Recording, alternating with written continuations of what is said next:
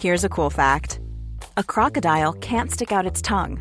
Another cool fact you can get short term health insurance for a month or just under a year in some states. United Healthcare short term insurance plans are designed for people who are between jobs, coming off their parents' plan, or turning a side hustle into a full time gig. Underwritten by Golden Rule Insurance Company, they offer flexible, budget friendly coverage with access to a nationwide network of doctors and hospitals. Get more cool facts about United Healthcare short term plans at uh1.com. Everyone knows therapy is great for solving problems, but getting therapy has its own problems too, like finding the right therapist, fitting into their schedule, and of course, the cost. Well, BetterHelp can solve those problems. It's totally online and built around your schedule. It's surprisingly affordable too. Connect with a credentialed therapist by phone, video, or online chat, all from the comfort of your home. Visit betterhelp.com to learn more and save 10% on your first month. That's BetterHelp, H E L P. There's never been a faster or easier way to start your weight loss journey than with PlushCare. PlushCare accepts most insurance plans and gives you online access to board-certified physicians who can prescribe FDA-approved weight loss medications like Wigovi and Zepbound for those who qualify. Take charge of your health and speak with a board-certified physician about a weight loss plan that's right for you. Get started today at plushcare.com slash weight loss. That's plushcare.com slash weight loss. plushcare.com slash weight loss. Hej och hjärtligt välkomna till Elbilsveckan. Jag heter Peter Esse. Med mig har jag Kristoffer Gullin och Fredrik Sandberg. Välkommen tillbaka. Tackar. Hallå. Du skulle ju varit med på livepodden där på Ekar Expo men hade fått en liten förkylning och feber och allmän misär. Ja, jag var, låg nedbäddad där i tre dagar. Det var, eller fler dagar än så var det. Men det har gått över och nu är det friska tag här. Men det var lite synd att missa livepodden. Det var en kul grej. Ja, ja det var riktigt roligt. Det, det, finns potential att göra där någonting riktigt bra det där. Mm. Vi, vi hade ju lite diskussion om vi skulle sitta eller stå upp. Och jag ja. företrädde ju sittgruppen då och var väl själv i det. Och var då i minoritet i den frågan. Men det, det var första du sa efteråt. Ni skulle suttit ner och då kände jag Fredrik och Esse. Mm. Mm. Ja, men precis, för det, funkar mer också om man, om man ska titta på det. För det där kan man ju faktiskt livesända eller sända upp på tuben sen. Eller lite så här. Jag vet inte, du hade nog ingen åsikt i frågan Kristoffer. Du bara följde med. Ja, alltså jag föredrar ju att stå om man ska göra sådana där saker. Jag tycker gärna om att jobba med händerna och det. Och då tycker jag att det är mycket enklare när man står upp. Ja, det är du och Bosse Bildoktor helt enkelt. Absolut. Vi har eh, många trevliga ämnen här. Vi har eh, strejk på Tesla-laddare. Vi har Polestar som avyttras. Vi har... Eh, vad har vi? Vi har eh, ljus som inte tänds. Men däremot blända framöver. Vi har ID7. Vi har eh, Bingolotter. Lite konstigt hur de kom in här. Och Kristoffer, nej Fredrik Sandberg har provkört Byd Seal U. Men eh, först så en liten fråga här. Eh, hur har din vecka varit? Eh, Fredrik Sandberg tar vi då i och med att du inte har varit med på ett tag. Ja, det var hektiskt. Vi har ju skickat en tidning till tryck den här veckan. Som vanligt ja. Ja, som, inte som vanligt, men en gång i månaden ungefär. Och eh, det är härligt att få vara, eh, hålla på med den där gamla verksamheten. Det redaktionella arbetet kring en tidning. det finns inget, en romantik i det här. Nej, men det finns en viss romantik. Men det är bra. Uh, uh, och sen har jag lyssnat på en podd som handlar om uh, Print is dead, long live print. Och sånt där heter den. Mm. Som, som handlar om en... Men också fick jag lite... Lite inspiration? Det finns en hierarki i en tidning. Liksom. Man lyfter fram det som är viktigast och sådär. Man kan lyfta fram grejer på ett annat sätt. Men det är frågan hur länge pappret överlever. Det får vi se. Men det vi har i alla fall gjort det i veckan. Uh, och uh, det blev ett jävligt bra nummer. Ja, och det, det behöver inte vara papper för att läsa tidningen heller. Utan nej, ni nej, finns ju på Readly framförallt om man vill ha lite mellanting. Exakt, på Readly. Och sen har vi faktiskt en, en, app man kan läsa i. Och sen har vi naturligtvis på vår webbsida lägger vi ut alla artiklar som man kan läsa om man är prenumerant. Så att, det finns. Mm. Och nu har vi börjat göra video också. Just det, det har oj, oj, oj, är det konkurrens jag hör? Ja, ja visst. Det är väldigt festligt där. Kanske jag måste släppa en tidning nu. Ja, du kanske måste släppa en tidning nu. Vi har ju kunnat se i, det var väl ett, i och för sig inte på video, men det var ju via foto där att du har varit i Portugal och provkört lite bil.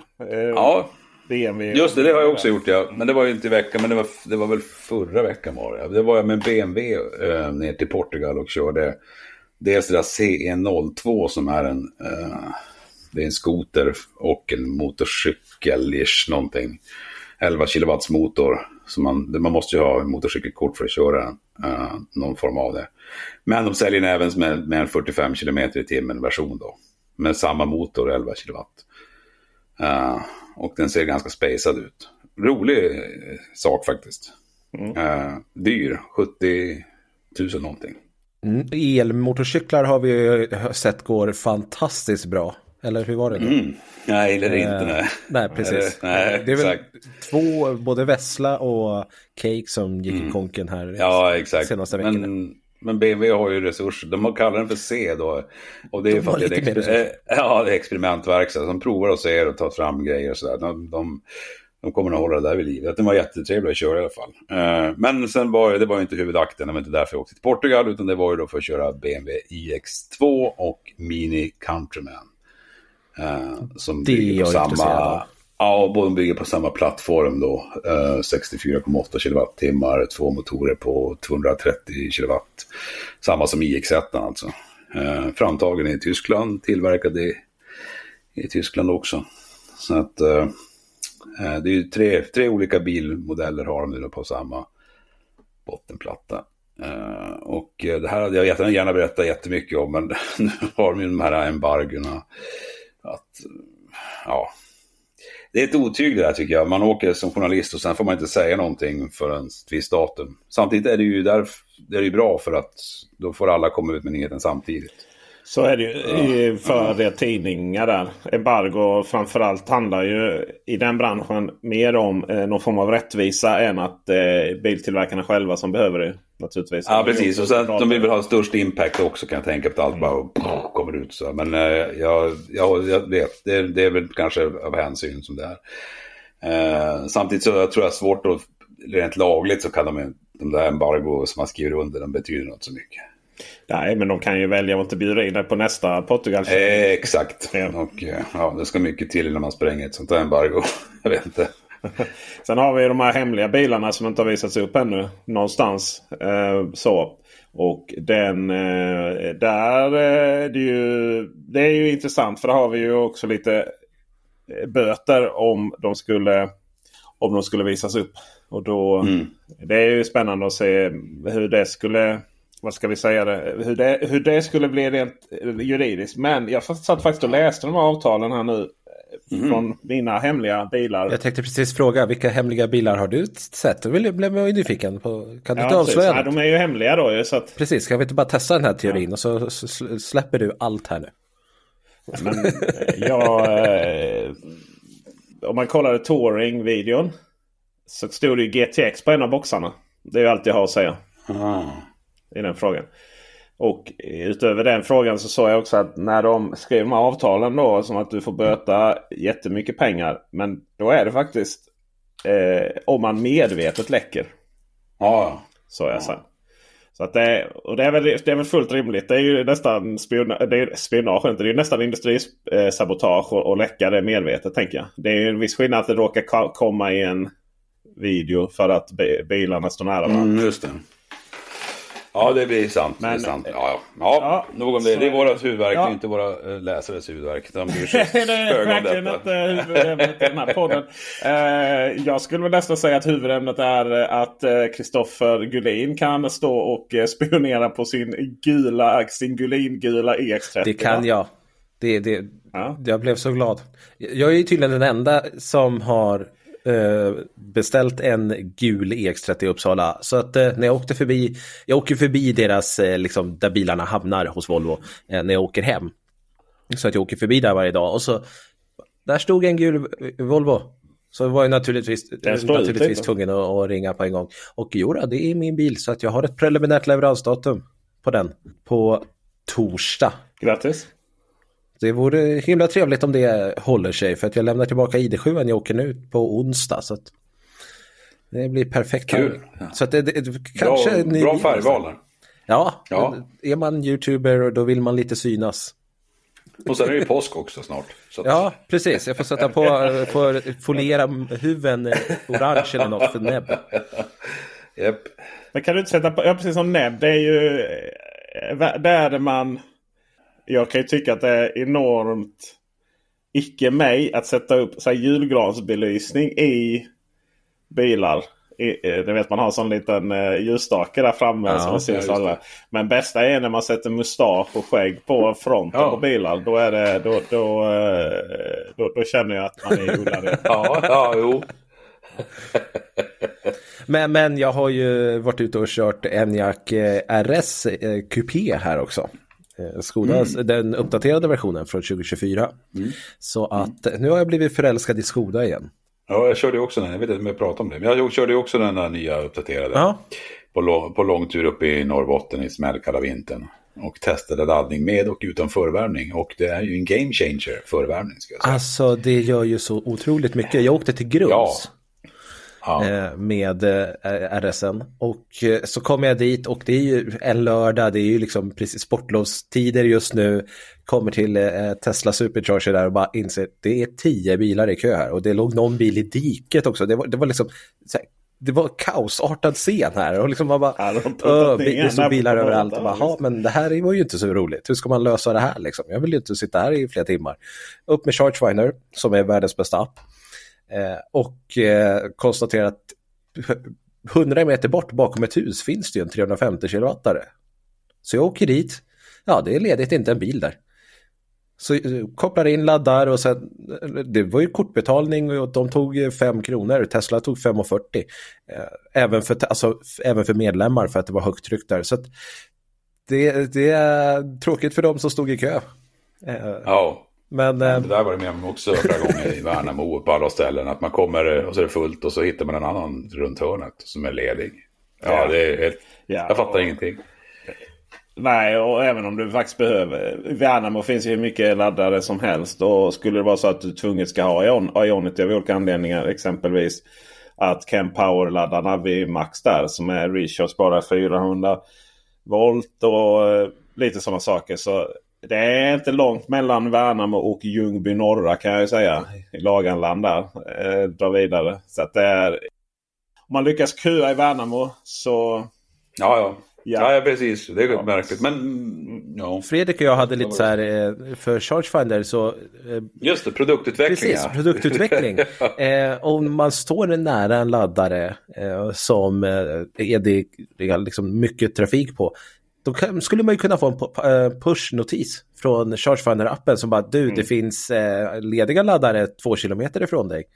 Eh, Exakt. Den, den får ni gratis, eh, Chargefinder-teamet. Exakt. Ja. Den får de. Yep. Den, är den första gratis, den första fixen gratis. På tal om Skoda och värme och sånt så har vi fått ett litet läsarmail här ifrån eh, Upplands Väsby. Vet jag, råkar jag veta att eh, de håller till. Hej Esse! Tack för en bra podd. Och så inom parentes Elbilsveckan då. Bra, bra att förtydliga. Och Youtube-kanal.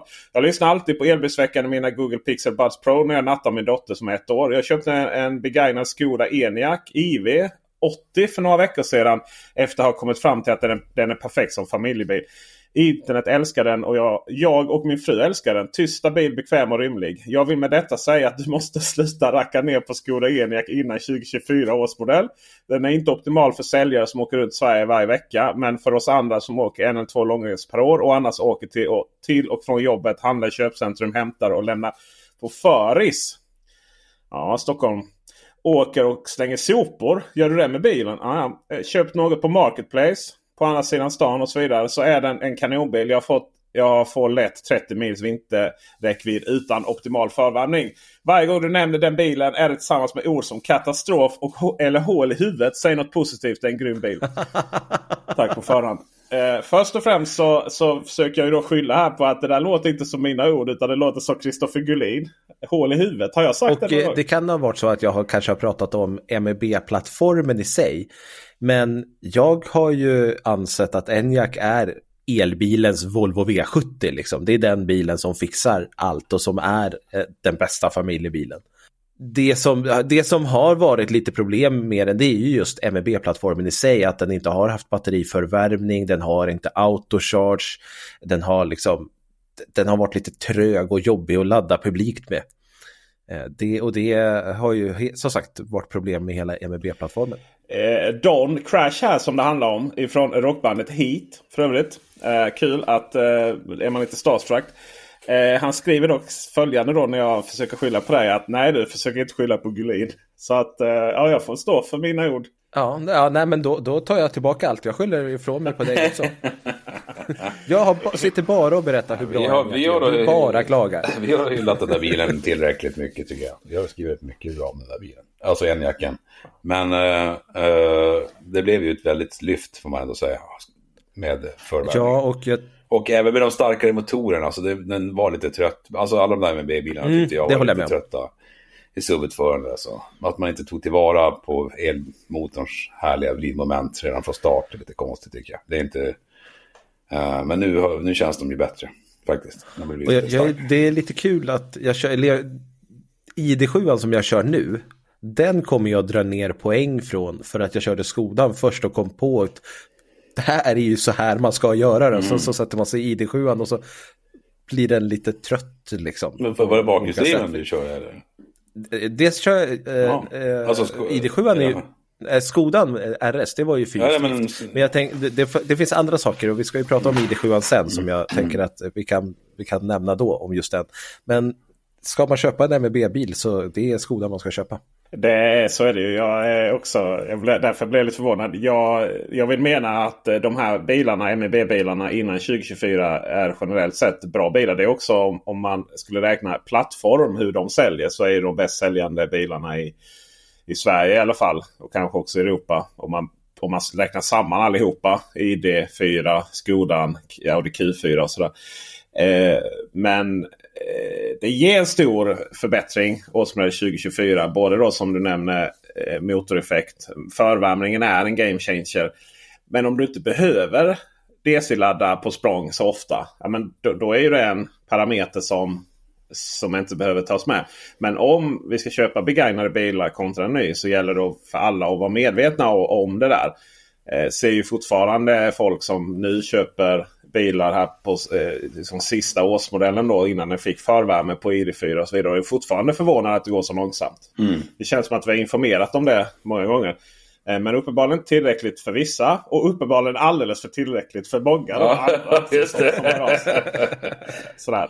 Men det, jag, har märkt, jag har märkt det i min senaste video om, om Tesla-strejken. Som vi dessutom ska komma in på här eh, nu så eh, har jag, var jag ganska kritisk mot IF Metall och deras oförmåga att förklara varför man strejkar. Men jag är också lite kritisk på hur Tesla kommunicerar med joxa lite med siffror för att verka att det ska vara mindre som strejkar och så vidare. Och, och dessutom så, så kände jag att jag behövde göra lite IF Metalls jobb här nu och, och förklara vad är fördelen med kollektivavtal och sådana saker. Eh, och då fick jag ju direkt då att, att jag inte är opartisk. Eh, men sen i naturligtvis då. Eh, för det var någon från Tesla som kände att jag var för positiv för facket. då. Eh, samtidigt så sen så kom ju nästa då. Det var det visst att jag var, jag var, jag var opartisk åt båda hållen. Och tyckte jag var lite roligt för det är väl inte det som är att lyfta fram båda sidorna. Jag var opartisk åt båda hållen. Ja, det blir... ja precis, jag var opartisk åt båda hållen. Det är något fel, det måste vara något fel på det här. Alltså, samma person, ja precis. Och, och det, det, det handlar ju inte om det handlar ju inte om...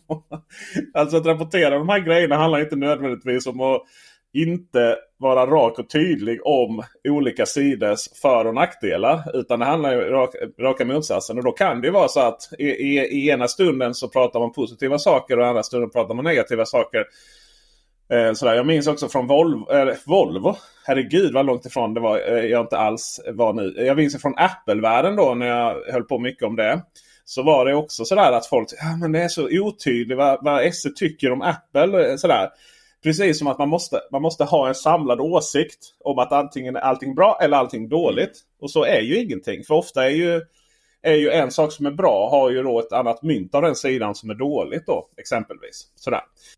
Där har vi MIB-plattformen i ett nötskal tycker jag. Vi går vidare till och diskuterar då Seko och Tesla Chargers. När man trodde att IF Metall och hela fackföreningsrörelsen inte hade några eh, så mycket mer ammunition, ammunition heter det, kvar.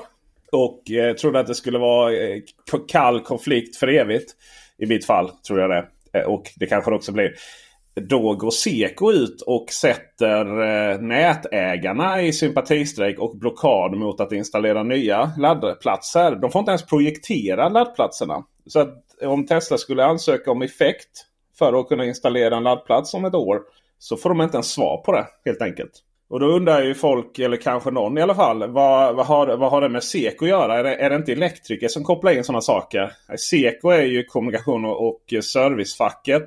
Och i det så ligger då nätägare, nätägarna, deras medarbetare och alltså kommunala nätägare eller E.ON eller Vattenfall. Eller vad har ni, vem betalar ni era räkningar till där uppe? I norr? Ja, Vattenfall, Vattenfall. Vattenfall, mm. ja. Och eh, då är det dem då. Och det är alltså själva nätanslutningen. Och i och med att det är ju ett monopol. Det är ju ett monopolförfarande. Eh, så går det ju inte att komma runt den grejen. Där. Så att så länge den här blockaden, så länge den här strejken är så ser jag inte som att det kan bli några nya öppna ny, några nya Tesla-laddare överhuvudtaget. Då. Vilket ju naturligtvis är en jätte jätteproblematisk grej. Vi har ju väntat här nere i Malmö. Så har vi, vi har ju inga Tesla-laddare här nere. Och den närmast som är i, i eh, Lödde. Den är för bara Tesla-bilar. Och den är dessutom 150 kilowattare. Eh, de gamla. Och dessutom till på att eh, när, vad du än är på dygnet. Vilket, vilket år du än är där, eller vilken tid på året. Så är det bara massa norska bilar som står laddade där hela tiden. Det verkar vara deras eh, stora laddplats på vägen ner till Europa. Så då har vi hoppats på att vi ska få nya laddare i Lund. Och om vi ska åka ut österut så har vi hoppats på de nya Tesla-laddarna i Hörby. Inget av detta blir av. Göteborg har ju också, eller har ju också brist på laddare. Där var också några som skulle sättas upp. De kommer inte heller bli av. Så eh, där har ju Seko och fackföreningsrörelsen verkligen ställt till det för eh, elbilister då eh, i praktiken. Naturligtvis eh, med syftet att sätta press på Tesla i den här konflikten. Det behöver ju inte kommenteras, det bara är som det är. Ja, nej men det är väl lite så. Eh, man kan eh, jag konstatera. Ja, men det, det, det, det, ser ju väldigt Erik mycket... har ett missnöjt ansikte. Ja, men det ser ut det är väldigt mycket maffiametoder. Alltså, det går ju inte att komma ifrån det. Att man, man, man skickar ut sina polare att, att liksom trycka till dem på ett annat håll. Liksom. För i familjen så håller vi... Alltså det, det är Samtidigt så är ju den svenska modellen har ju tjänat oss väl. Eh, på många sätt. Liksom. Det har ju varit en bra modell. Vi har ju haft eh, fred på arbetsmarknaden sedan 30-talet nästan. Det har varit några skärmytslingar här och där men det har inte varit några stora grejer. Så det finns ju, det finns ju en, väldigt, eh, det är en väldigt bra tradition kan man säga på många sätt. Och jag förstår att folk vill hålla fast vid den. Men när det börjar se ut så här så vet jag inte. Och sen är det ju också det här att man, man har ju läst alla på vänsterkanten framför allt som har pratat om klimathotet som ett stort problem och att vi måste offra saker för att vi ska lösa de problemen. Men om det handlar om att luckra upp fackets rättighet så tror jag inte att det är någon som är intresserad av att offra någonting där. Liksom. Att eh, om, nu, om de står i vägen för Teslas expansion och elbilsutvecklingen. Liksom. Det är facket, man kan ju säga att facket står i vägen för en, en, en, en liksom mer klimatneutral fordonsflotta i det här fallet just med superchargerna i alla fall så, så blir det ju så. Ja, det blir just att de sätter käpparna i hjulet på, på elektrifieringen. Liksom. Var det inte bråttom nyss? Var det inte liksom viktigt det här med elektrifieringen av fordonsflottan? Men du Fredrik, jag har hört att du är lite kommunistiskt lagd generellt. ja, jag, jag, jag tycker jag ser ju, om man nu tittar på elbils, man vill ju ha fler elbilar på vägen och byta ut fossila och vi vill ställa om energisystemet som står för ungefär 80% av alla koldioxidutsläpp i världen. Så det är ju en energifråga i stort, stort i mångt och mycket så är, är ju klimatfrågan en energifråga. Vi måste byta energislag. Eh, och när man, eh, så att jag är då på elbils, el, elbilens sida kan man säga. Och eh, jag ser ju att politiken kanske inte är vägen att gå framåt om vi ska ställa om energimarknaden. Jag tycker att eh, eh, man ser den nuvarande regeringen har gjort helt om nu och tagit bort allt stöd och man har inga, liksom, egentligen några ersättningar för det här. Och så, står, och så får vi se eh, Ebba Busch Thor stå vid en bensinpump på Instagram och med ett stort leende och säga grattis, nu blir det billigare att tanka. alltså för mig, det var som att, jag vet inte, hur vulgärt får det bli liksom? Jag förstår också grejen att man måste få ner priset på diesel för att vi ska rädda lantbruket och sådana saker. Att det är jobbigt för människor att betala väldigt mycket vid pumpen. Så det finns absolut, jag förstår det. Men man behöver inte som politiker kanske gå ut och ställa sig med ett stort leende vid bensinmacken. Alltså det här är ju ett nödvändigt ont i sådana fall hon har fått göra då.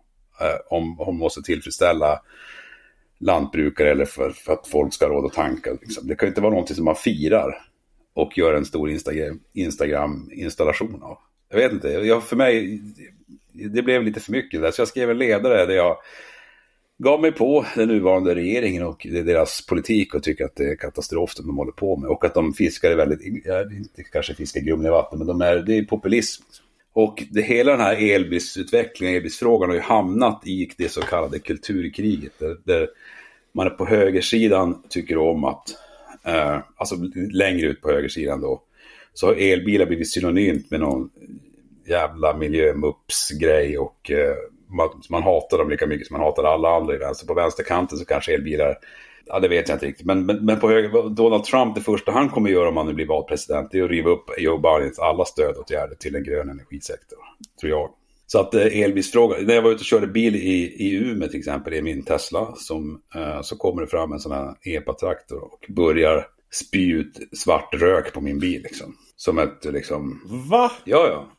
Det, och det är det cold rolling kallas det ju. De gör ju det i USA också. De har gjort det på Prius och så, och det har blivit på elbilar också. Så, där. så den har ju hamnat... Det tror jag aldrig jag har varit med om i Sverige. Nej, jag har varit... I've been there.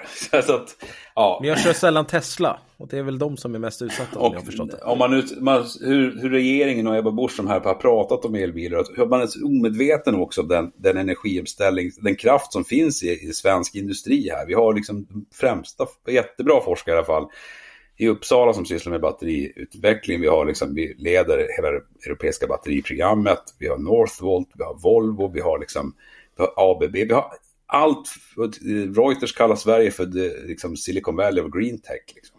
Här, är, här är framtidens teknik som vi kan tjäna pengar på och bygga upp en industri kring. Och vad gör Ebba Busch Thor? Hon ställer sig vid en bensinpump och, och gratulerar sig själv att hon har sänkt priset på bensin.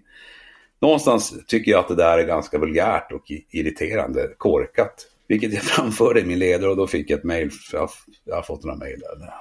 Blev kallad för kommunistpack och jävla miljöpartist. Ja. Mm. Kommunistpack också. Men det är så tydligt, det, är så, det blir mer och mer tydligt. Man, kan inte, man kommer inte kunna prata om de här sakerna sakligt heller snart. Liksom. Utan de, det här energiomställningen handlar också som allting annat i det här kulturkrigsgrejen. Att man, man tar en position och så när det är skyttegravskrig emellan. Ingen kommer lyssna på den andra. Liksom. Och jag tycker det är sorgligt. Liksom. Jag kanske överdriver, vad säger ni? Nej, men alltså, jag upplever att elbilar är väldigt polariserande så. Jag, jag är ju inte som Peter, jag tycker ju om bilar. Jag tycker det är jätteroligt med bilar. Ja. Mm. Elbilar är ja, en del utav det. Ja. Alltså en, entusiastbilar med stora motorer är något jag älskar och uh, Honda Ioniq 5N där, så att den låter liksom så, fantastiskt. Jag tycker om det ja, jättemycket. Ja. Men, det, men det, är, det har blivit så extremt vi och dom-känsla när det är liksom bilar och versus elbilar. Och uh, jag säger inte att någon sida är bättre än den andra. Men... Nej, men det är otroligt, för jag har all respekt för folk som digger och mekar med bilar och som tycker om fossilbilar och som älskar sin 1,6 liters diesel Honda. Liksom. Jag, jag, jag har inga problem att förstå det. Jag tänker inte sitta och... Liksom, jag skulle aldrig klanka ner på någon som kör en bensinbil för att jag gillar att köra bensinbil. Varför ska jag göra det för? Det är ju liksom, det är ens privata val liksom. Men varför ska man ge sig på folk som vill köra elbil då? För att nu är det en jävla miljöpartist som kommer här och ska berätta för mig. Det, det är ju så konstig grej. Liksom. Jag förstår inte det. Ja, jag tycker det, jag tycker det är jättekonstigt. Mm. Vi borde kunna liksom samlas kring ett bilintresse. Ja, precis. Det går liksom. Sen kanske det är så att elbilstekniken tar över och fossila bilar åker ut för att det är en gammal teknik. Och då får man väl sörja det lite grann. Så får man gå vidare i livet. Jag tycker till exempel att det är jättesorgligt att man inte får en stämpel i tunnelbana på ett kort när man kliver in där. Liksom. Mekanisk. Ja, det är jag kan hålla med om. men, men, men, det finns ju mycket jag sörjer. Det finns ju mycket man sörjer från gammal teknik. Liksom. Entusiastbilar tror jag kommer underbart. kvar. Ja, entusiastbilar kommer naturligtvis. På fossil. Ja, det tror jag också. Absolut. På samma sätt som ångloken. Liksom. Ja men precis, i vardagen så är, det liksom, så är elbilen bättre. Men när det kommer till entusiastfordon då, då, då har jag ännu inte sett en elbil som kan liksom mäta sig med en otroligt trevlig V8 liksom eller liknande. Alltså mm. R, eh, Audi R8 V10 motor det är ju en fantastisk bil för mig. Det är ju en sån här affischbil jag hade. Mm. Och det, det, elbilen har inte det idag. Den har mycket annat men den har inte I det. I beg to differ. Men uh, okej. Okay. ja, det är intressanta samtal och det här med förändringar är komplicerat och mm. jobbigt för många. Och det brukar arta sig i denna typen av ordet populism användes här av Fredrik. Och jag är väl benägen att hålla med. Eh, alla, alla snabba förändringar blir, får en backlash. Ja. För det går för snabbt och det är för jobbigt för många. Och sen också när det blir lite tuffare tider finns inte pengarna där så som vi tyvärr har Cake då som vi nämnde Vessla och andra elektrifieringsbolag har drabbats av. Och så. Men sen, sen i slutändan så fortgår ju transformeringen.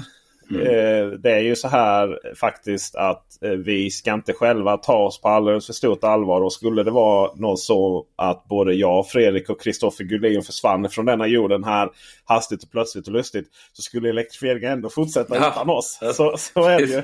Eh, och jo, även Ebba Busch Thor kan nog inte förändra den, den, det heller. Nej, Några som har varit lite illa ute på grund av den här förändringen i ekonomin och, och delvis elektrifieringen är ju Polestar.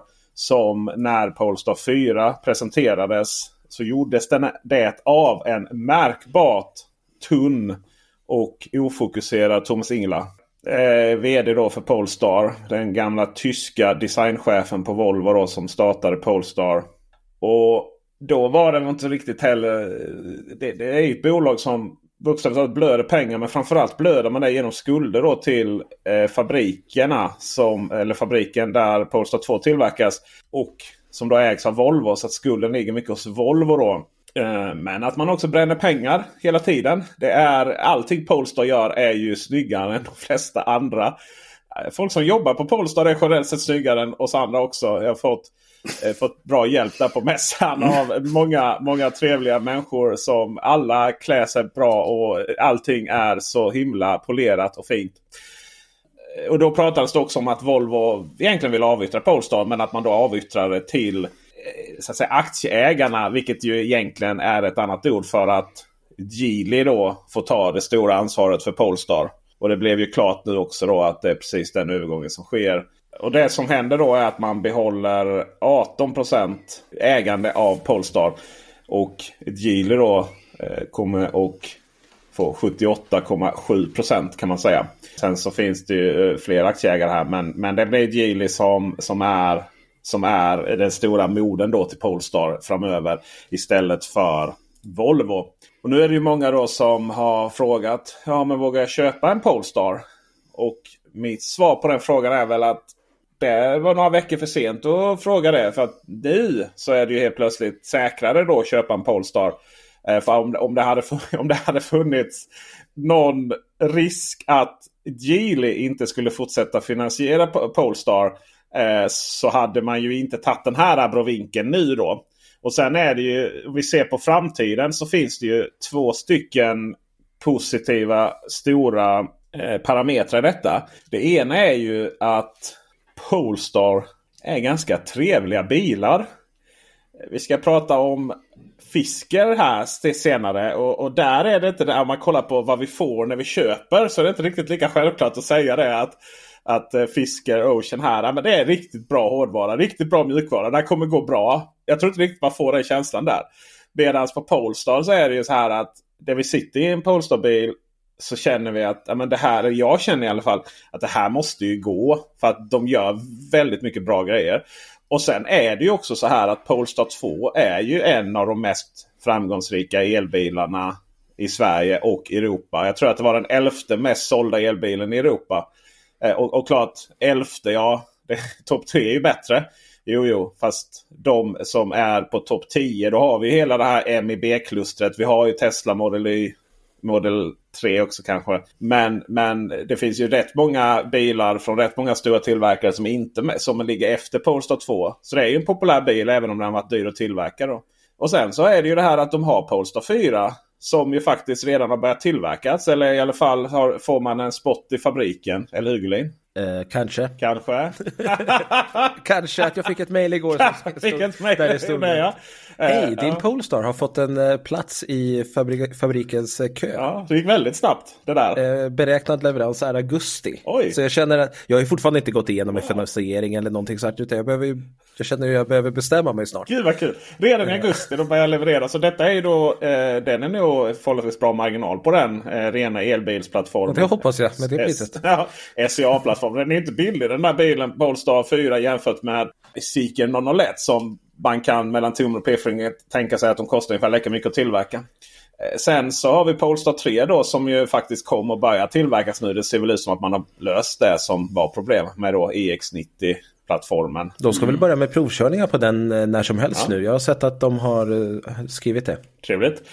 Så ja, det har väl aldrig sett så ljust ut för Polestar som nu. Jag menar många andra bolag sitter i, i samma ekonomiska situation utan att ens kanske tagit fram en elbil som säljer. Alltså Lucid Air Varken säljer bilar eller genererar pengar. Och det är jättemånga biltillverkare som har problem. Och sen det för svensk del är ju också så att Polestar måste ju vara det eh, nya bilmärket som har absolut bäst serviceorganisation. I och med sin koppling till Volvohandeln. Mm. Jag, jag har inga som helst oroskänslor för Polestar.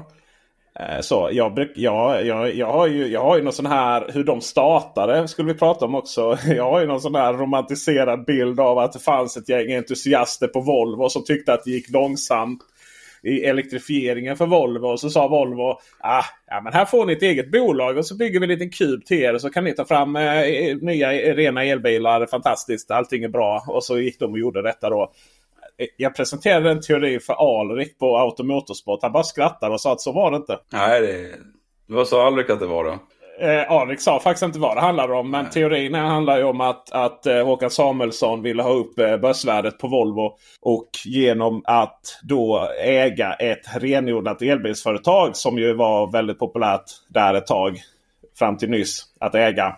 Mm. Så, eh, så kunde man då få upp eh, få upp värdet på Volvo. Fast de presenterade ju Polestar innan Tesla presenterade Model 3 va? Nej. För Teslas, Teslas Model 3-visning var ju en, en sån där vattendelare i, i Håkan Samuelssons eh, mentala förståelse för, för elbilar. När fasen var den? Det kanske var för efter... Menar, Volvo visade ju upp konceptbilen 2016 och då var det ju fortfarande Volvo-branding på den.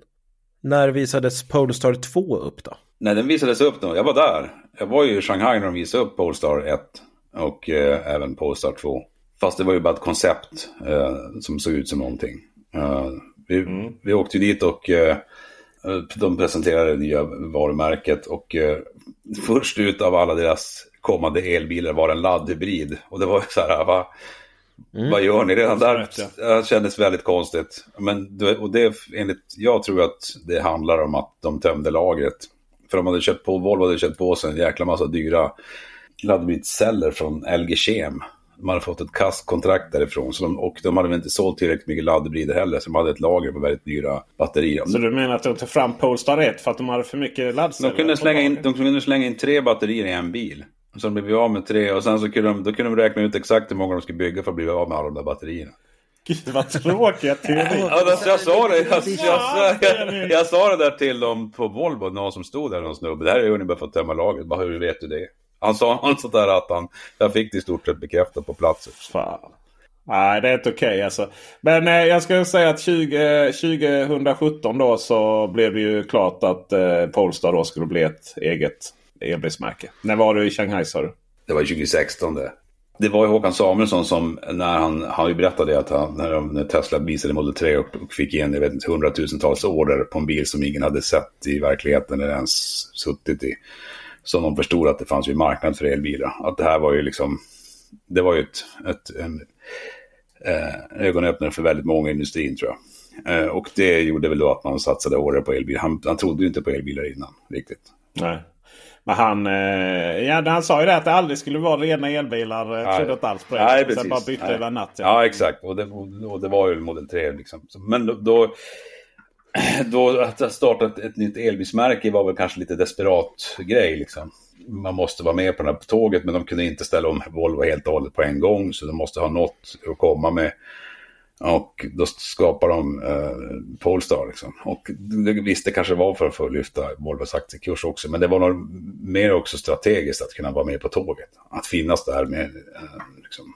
Och de kunde sätta spjutspetsforskningen då kanske, eller liksom slänga, eh, ta fram de dyra nya så, teknikerna med Polestar som sen kan tas över av Volvo eller någonting. Mm. Och det har man ju verkligen gjort med tanke på att dels var Polestar 2 är ju så mycket bättre när det kommer till systemet då än man sitter här nu med sin XC40 eller EX40 som det kommer att heta från och med årsmodell 2024 och kollar på den här lilla mesiga skärmen som ser exakt likadan ut som fossilvarianten och bara känns som att är det här verkligen en elbil? EX30? 40 EX40, ja. För det som sen blev då XC40 nuvarande då kommande EX40 då Eh, det är ju samma bil med nytt namn här. Infowars-modell 2025. Eh, presenterades i samband då med det som sen skulle bli Poster 2. Och det var ju 40.1 respektive 40.2 då. Alltså tvåan var Polestar 2. Fattar ni? Mm. EX40. Ja. Och, eh, så det var ju en Volvo från början då. Och det var ju då den som man tog. CMA-plattformen skulle aldrig bli en elbil. När den presenterades mm. här nu. Eh, den skulle aldrig... Eh, det var aldrig tanken på det. Utan eh, det var eh, fossil och plug-in hybriden skulle aldrig vara en elbil. Det är därför också den har de här kardantunneln och sånt. Det är lite roligt just det där för att XC40 plug-in hybrid blev ju aldrig någon riktigt bra plug-in hybrid. Den var ju ganska dålig plug-in hybrid. Mm. Jag kan, jag, jag har dålig plug-in hybrid kännedom mm. generellt sett. För Nej, men när min första, när min när min elektriska XC40 gick sönder och stod på verkstad i flera månader så fick jag först en eh, laddhybrid XC40. Och den var ju katastrof. Fullkomligt värdelös. Intressant. Och ja. det, är, det är många andra som har sagt det även efteråt. Mm. Men eh, ja, där ser man. Eh, sådär. Så att, det finns många teser om Polestar. Det vi kan konstatera är att bolaget fick då sitt eh, namn ifrån eh, varumärket då, Polestar. Som ju var ett bolag som jobbade med optimering av just fossilbilar och tävlar i fossilbilars mästerskap här nu för länge sedan. Eh, så det, det, det, finns ju ingen logik i, i själva namnet. Men jag tycker namnet är ett väldigt vackert namn på vackra bilar ändå. Mm. Det sägs också att eh, det här, för att eh, hela det här bolaget Polestar startade ju som Flash Engineering då. Så tävlar de i de här STCC-mästerskapen och BTCC och sådär. Och sen så startar man ju en optimerings... Eh, en, ja, där man kunde optimera Volvos motorer som en egen division. Och sen så därefter sen så satte man ju igång och göra lite samarbeten då. Så man tog fram C30 Polestar Performance Concept 2010. Eh, och sen eh, och sålde då också. Du kunde ju till och med när du byggde din Volvo där lägga på den här Polestar Performance. Det kan du fortfarande göra. Jaha, Polestar Engineered. Jaha, Polestar Engineered heter det numera. Och, och så, sen släppte man lite Polestar-varianter då av S60 och V60 och X, X, XC60. Tack, tack. För det är för mycket X här. Eh, och, och sådär. Sen, det här är bilar man har reglat över. Sen så helt plötsligt så köpte man då upp Polestar Performance-delen. Volvo gjorde det. För hytlösa mängder pengar. Tio gånger mer än vad det ansågs vara värt. Typ. Någonstans hade man ju behov av det där namnet på något sätt. Eh, sen så finns ju eh, det här bolaget som tävlar. Det finns ju kvar. Fast det, det heter ju Cyan Racing nu. Cyan Racing. Och de eh, tävlar med Lincoln Co-bilar. Så att det är, det är verkligen en sån här, det har blivit en sån här Geely-grej det här bolaget. Men vilken snygg P1800 de har byggt. Apropå ja. ingenting. Ja, apropå ingenting. Så där har ni lite det. Men nu, nu är, nya sagan nu är att Polestar som är mer direktägt då av Geely. Och så länge inte Geely kraschar.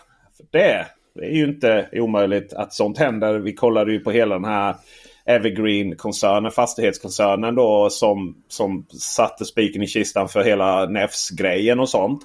Men eh, Geely är ju inte i kinesisk fastighetsbransch lyckligtvis. Nej, de är i 200 bilmärkesbranschen.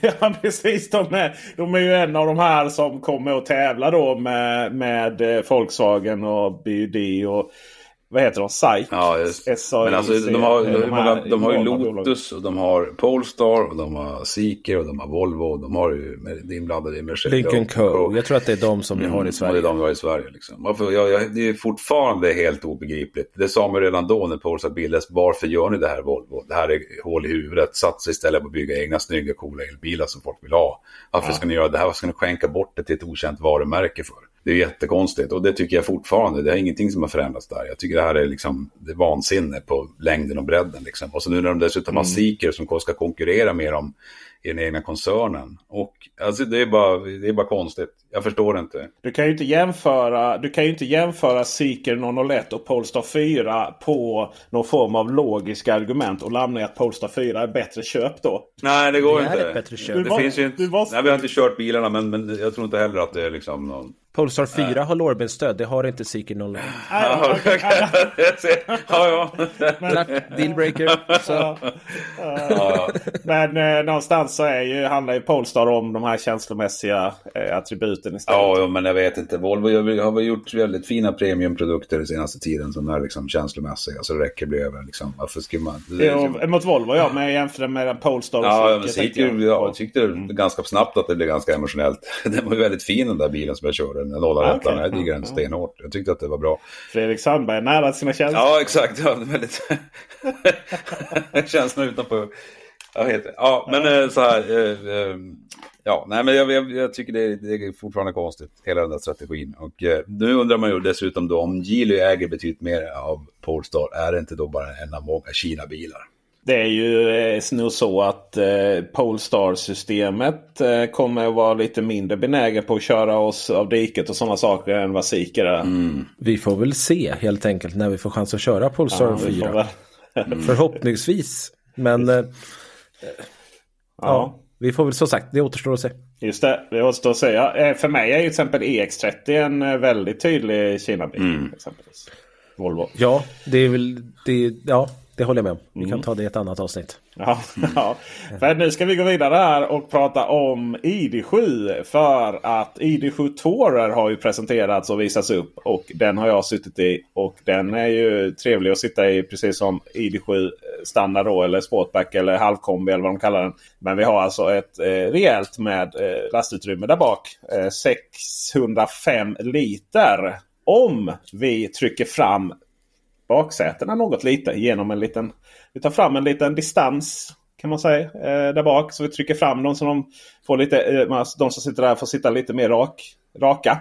Eh, och då får vi 605 liter. Annars har vi 545 liter. Och det som, jag, det som är alltid med kombi det är att det känns som att så fort vi får liter, liter eh, volym då på kombi så känns det som att det, det är väldigt lite för kombi. Medan så fort vi har sportback-varianter och delvis sedaner också så känns det som att det är så, det är så mycket för våra eh, sportback och, och sedaner.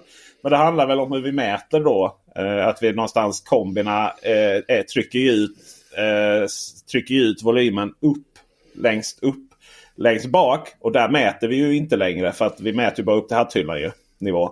Precis. Så, så, de här lite måtten som det är de ja, pratar om. Så, eh, så då är den ju eh, sådär. Men, men den är ju det är inte den största kombin på planeten. Men det är ju också det kanske är den trevligaste elkombin som finns just nu för sitt pris. Jag kan ju tänka mig att BMW i5 Touring. Är det? Tourer på Volkswagen Touring på eh, BMW. Mm. Jag, jag, tror ingen, jag tror ingen lider av att äga en BMW i5 Touring. Så att säga. Men det är en mycket trevlig, mycket trevlig bil. Mm. Men den är ju lite, lite dyrare också. Så ID7 Marginellt. är, eh, och det är ju krisendiet av ID-bilarna då. Eh, någonstans. Jag tror att det aldrig kommer vara så mycket. Eh, härifrån nu så kommer bara Volkswagens elbilar bli lite mindre glättiga. Ska vi använda det ordet? Lite mindre skärm i mitten med ganska färgglada eh, typografi och sådär. Och kanske gå tillbaka lite till hur det var innan. Eh, om vi kollar på exempel ID to All då som visar ett lite mer konservativt språk. Men jag har bara en fråga till dig Kristoffer Gullin. Håller du med mig om att ID7 är en magisk bil att köra? Magisk bil är nog att dra på det. Alltså den är ju jättetrevlig. Men är den magisk verkligen? Det är ett ganska starkt ord. Jag tyckte den var jätte... Jag provkörde den nere i Frankrike. Den var ju jättefin att köra. Men magisk kanske var det är hur många bilar är magiska att köra. Det är väl typ, ja, Porsche Taycan tycker jag är väldigt magisk att köra. Audi E-tron GT har ju viss magi. Om man kommer in i den. ja, det är det då. Men, men, ja, äh, nej, men det, det, håller jag med om. Det Mercedes är helt EQ, fantastiska bilar. AMG 53 är också magisk. Men eh, där är ju kanske inte... Det kanske definierar vad magi ja, är. Jag tänker så här. Njuta komfort på motorvägen än bara ta den framåt. Då är den magisk. Bara... Absolut. Jag tyckte den var klockren. Ja, och det är ju precis det den gör. Jag åkte ju till Jönköping med den igår eh, fram och tillbaka. Och alltså ligga på motorväg med ID7 är ju fantastiskt. Du har ett jättebra styrsystem. Travel Assistant i deras bilar är ju fantastiskt bra. Och det, det går snabbt att ladda och du är snabbt vidare och det, det är liksom, nej, det håller jag med om. Absolut. Och den här bilen som jag kör nu, den är ju samma som du hade. Den har ju det adaptiva chassit som också gör det väldigt komfortabelt.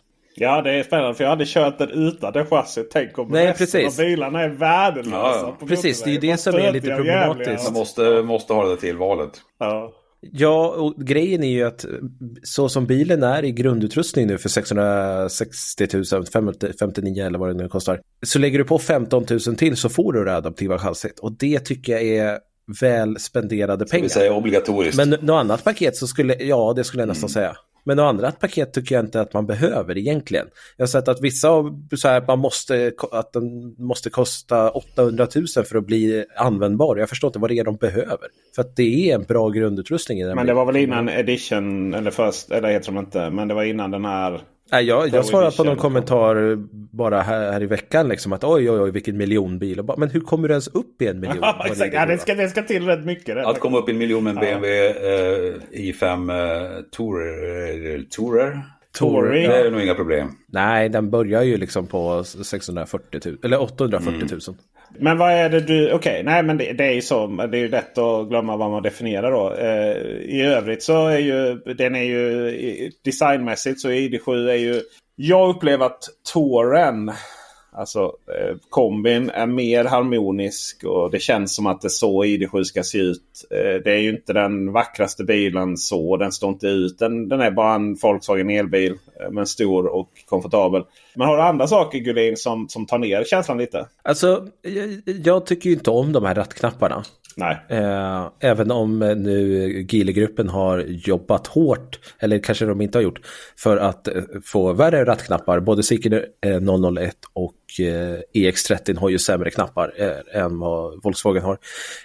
Men just efter man kommer precis från Skoda, det som jag nämnde tidigare här, där det bara finns rattknappar du har rullhjul på ratten, det, det, bara funkar. Och sen så sätter man sig i det här touch grejen liksom. Det, nej, det är inte Att de inte bara tog Skoda-ratten. Den är uppenbarligen kompatibel med plattformen. Och sen så upplever jag att Skodas mjukvara fortfarande är bättre än Volkswagens. Volkswagens upplever jag som rörig och liksom, du kan inte göra någonting på skärmen utan allting är gömt i menyer och det finns liksom tre olika ställen du har genvägar på.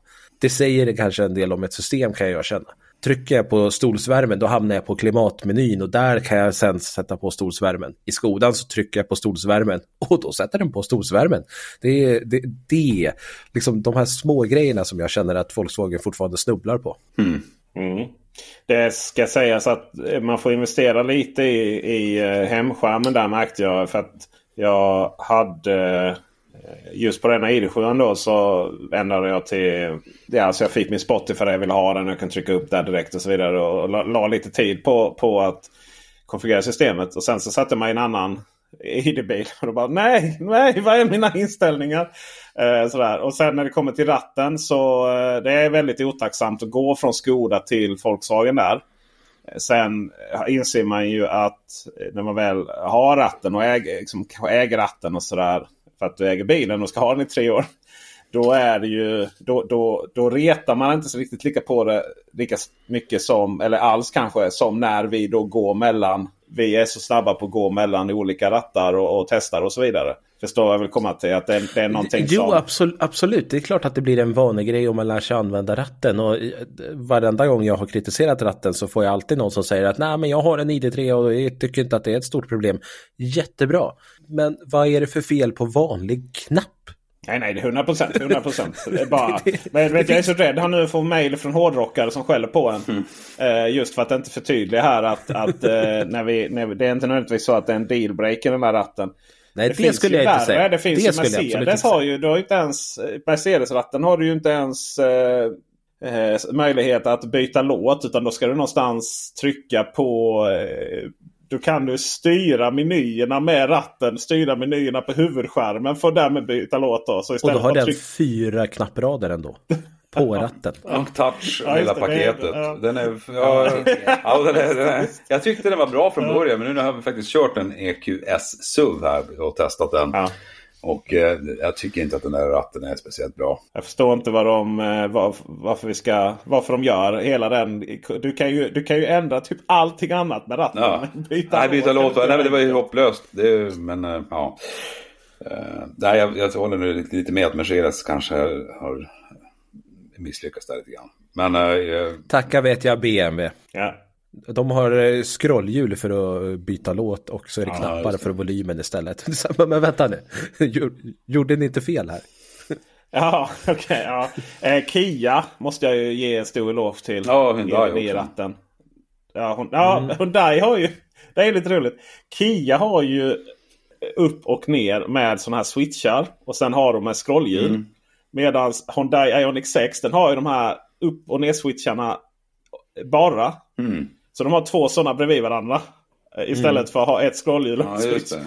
Då minns man att åh nej nu bytte jag låt. Jag skulle byta volym. Fasen ja, också. Uh, så, sen, tycker jag alltid det, sen tycker jag alltid det är fascinerande att trycka ner för en ny låt. Jag vet inte varför jag vill trycka upp för att ha en ny låt. Men ja, det... nu är vi inne på detaljer här som är... Ja, det, det, det, det, kan jag, det är en ja. mer personlig preferens. Min stora, min stora sorg i livet och det kanske säger, lite, eh, säger mycket om hur lite sorg jag har i livet. Men det är ju att eh, Audi Q8 har så trevliga fina knappar och scrollhjul. Och detta har man då tagit bort i Q6. Mm. Det känns som att Q6, eh, man, man, man kollar på sån tidslinje mellan VAG-gruppens fäbless för touch. Så ser man så kommer man se att först så var det fysiska knappar. Och sen då i en snar framtid kommer det vara fysiska knappar. Och så ser man de här stackars bilarna som blev utvecklade där mitt i den här eran av touch. Och sen så hann de inte lanseras förrän vi alla tyckte det var naturligt med fysiska knappar igen. Och det känns som att ID7 och Q6 är där faktiskt. Ja. Så är det. Men... Here's a cool fact. A crocodile can't stick out its tongue. Another cool fact. You can get short term health insurance for a month or just under a year in some states. United Healthcare short term insurance plans are designed for people who are between jobs, coming off their parents' plan, or turning a side hustle into a full time gig. Underwritten by Golden Rule Insurance Company, they offer flexible, budget friendly coverage with access to a nationwide network of doctors and hospitals. Get more cool facts about United Healthcare short term plans at uh1.com. Ryan Reynolds here from Mint Mobile. With the price of just about everything going up during inflation, we thought we'd bring our prices down. So to help us, we brought in a reverse auctioneer, which is apparently a thing. Mint Mobile unlimited premium wireless. Ready to get 30, 30, bit to get 30, bit to get 20, 20, 20, bit to get 20, 20, bit to get 15, 15, 15, 15 just 15 bucks a month. So, Give it a try at mintmobile.com/switch. slash $45 up front for 3 months plus taxes and fees. Promo rate for new customers for limited time. Unlimited more than 40 gigabytes per month slows. Full terms at mintmobile.com. Hiring for your small business? If you're not looking for professionals on LinkedIn, you're looking in the wrong place. That's like looking for your car keys in a fish tank. LinkedIn helps you hire professionals you can't find anywhere else, even those who aren't actively searching for a new job but might be open to the perfect role. In a given month, over 70% of LinkedIn users don't even visit other leading job sites. So start looking in the right place. With LinkedIn, you can hire professionals like a professional. Post your free job on linkedin.com slash people today. Everyone knows therapy is great for solving problems, but getting therapy has its own problems too, like finding the right therapist, fitting into their schedule, and of course, the cost. Well, BetterHelp can solve those problems. It's totally online and built around your schedule. It's surprisingly affordable too. Connect with a credentialed therapist by phone, video, or online chat, all from the comfort of your home. Visit betterhelp.com to learn more and save 10% on your first month. That's BetterHelp, H E L P. Wow. Nice. Yeah. What you're hearing are the sounds of people everywhere putting on Bombas socks, underwear, and t-shirts made from absurdly soft materials that feel like plush clouds. Yeah, that plush. And the best part? For every item you purchase, Bombas donates another to someone facing homelessness. Bombas. Big comfort for everyone. Go to bombas.com slash ACAST and use code ACAST for 20% off your first purchase. That's bombas.com slash ACAST. Code ACAST. Men ha, vi ska gå vidare. Det blir hyfsat långt avsnitt idag. Har vi någonting mer om ID7 som du vill förtälja Gulin när du ändå har den inne i stallet? Jag tycker att det är synd att man har satt upp en stor fin 15-tummare och sen bara Spotify. Vart ja. är min YouTube? Var är min... Vänta, vänta, Dennis, Dennis, kan vi få en, kan vi få en, kan vi ta en, en, en uh, retur på den? Vart, vart, vart är min YouTube? Vart, vart, vart är min YouTube? Var är min YouTube? Ja, men, Gullin, har du alltså, ett intresse det är som du vill berätta en stor, gruppen? Ja, alltså, och bilen laddar ju så snabbt så du behöver inte. Man hinner inte titta klart på någonting för att eh, bilen är, har laddat klart. Men den är ju som gjord för liksom, media och så finns ingen media. Kommer väl Nej. uppdatering. Ja, ja antagligen, gissningsvis. Vilket är fruktansvärt men... irriterande när allting ska komma sen. Kan de presentera en färdig ja. produkt en jäkla gång? Hur svårt kan det vara att få in en YouTube-app på en gång? Det kan inte eh, vara... Jag har ju, mina programmeringserfarenheter sträcker sig till assembler på en VSVIC 64. De heter. Men jag har en känsla av att det inte är så svårt. Fast vad vet jag? Nej, så är det ju. Det roliga är ju att nu i, kommande ID-bilar här nu så har man ju fått en wellness-app. Istället. Va? Du ska inte sitta och kolla på YouTube. Du ska trycka på wellness där. Och så, roliga är ju också att du har ett program som är exakt 20 minuter också då. Eh, som är så att under tiden du laddar från 10 till 80 procent. Alltså BMW har väl haft det där ganska har ju massa, det, det, har de ju. Ja, Olika mo som man ska ha. Ja, precis. Man känner sig lite spänstig. Oj, känner, ja, exakt. Precis. känner du dig lite trött så kan det blåsa och luft, det blir olika. Vem använder det där alltså? Nej, jag har ju testat det en gång. Ja. Men Sen så här, klart. Så här. Uh, när, jag, när vi var i Tyskland och filmade där. Tyskland? Vilket land var vi? Nej, jag vet inte vilket land vi var Vi var i något land i alla fall. För det är ganska, när vi filmar de här bilarna då, alltså ID7 Tourer då. Spanien var det förresten. Mallorca. Ja, Mallorca var det till och med. Just det. Uh, då så var det rätt... Det är alltid lite stressigt när det är olika grupper då. För de väntar ju på att de ska komma dit och, och sådär. Så att man stressar igenom den här uh, bilen filma den. Och jag tar ju lång tid på mig för att jag vill ha många vinklar och vrån.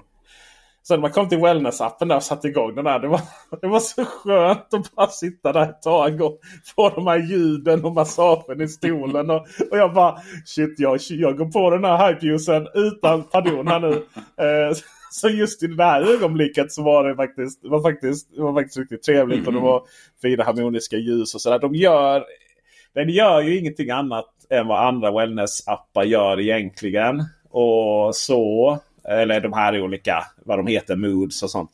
Men där och då så, så var det faktiskt rätt gött att bara, bara lyssna på det här ljudet. Och de här LED-belysningen pulserar i takt med och, och, och så. Men det, det, ska vara massage i stolen för att det ska vara, ska vara mm. någonting. Det vidhåller jag. Jag har aldrig fattat det där med massage. Inte jag heller, tack. Alltså vad är det för trams alltså?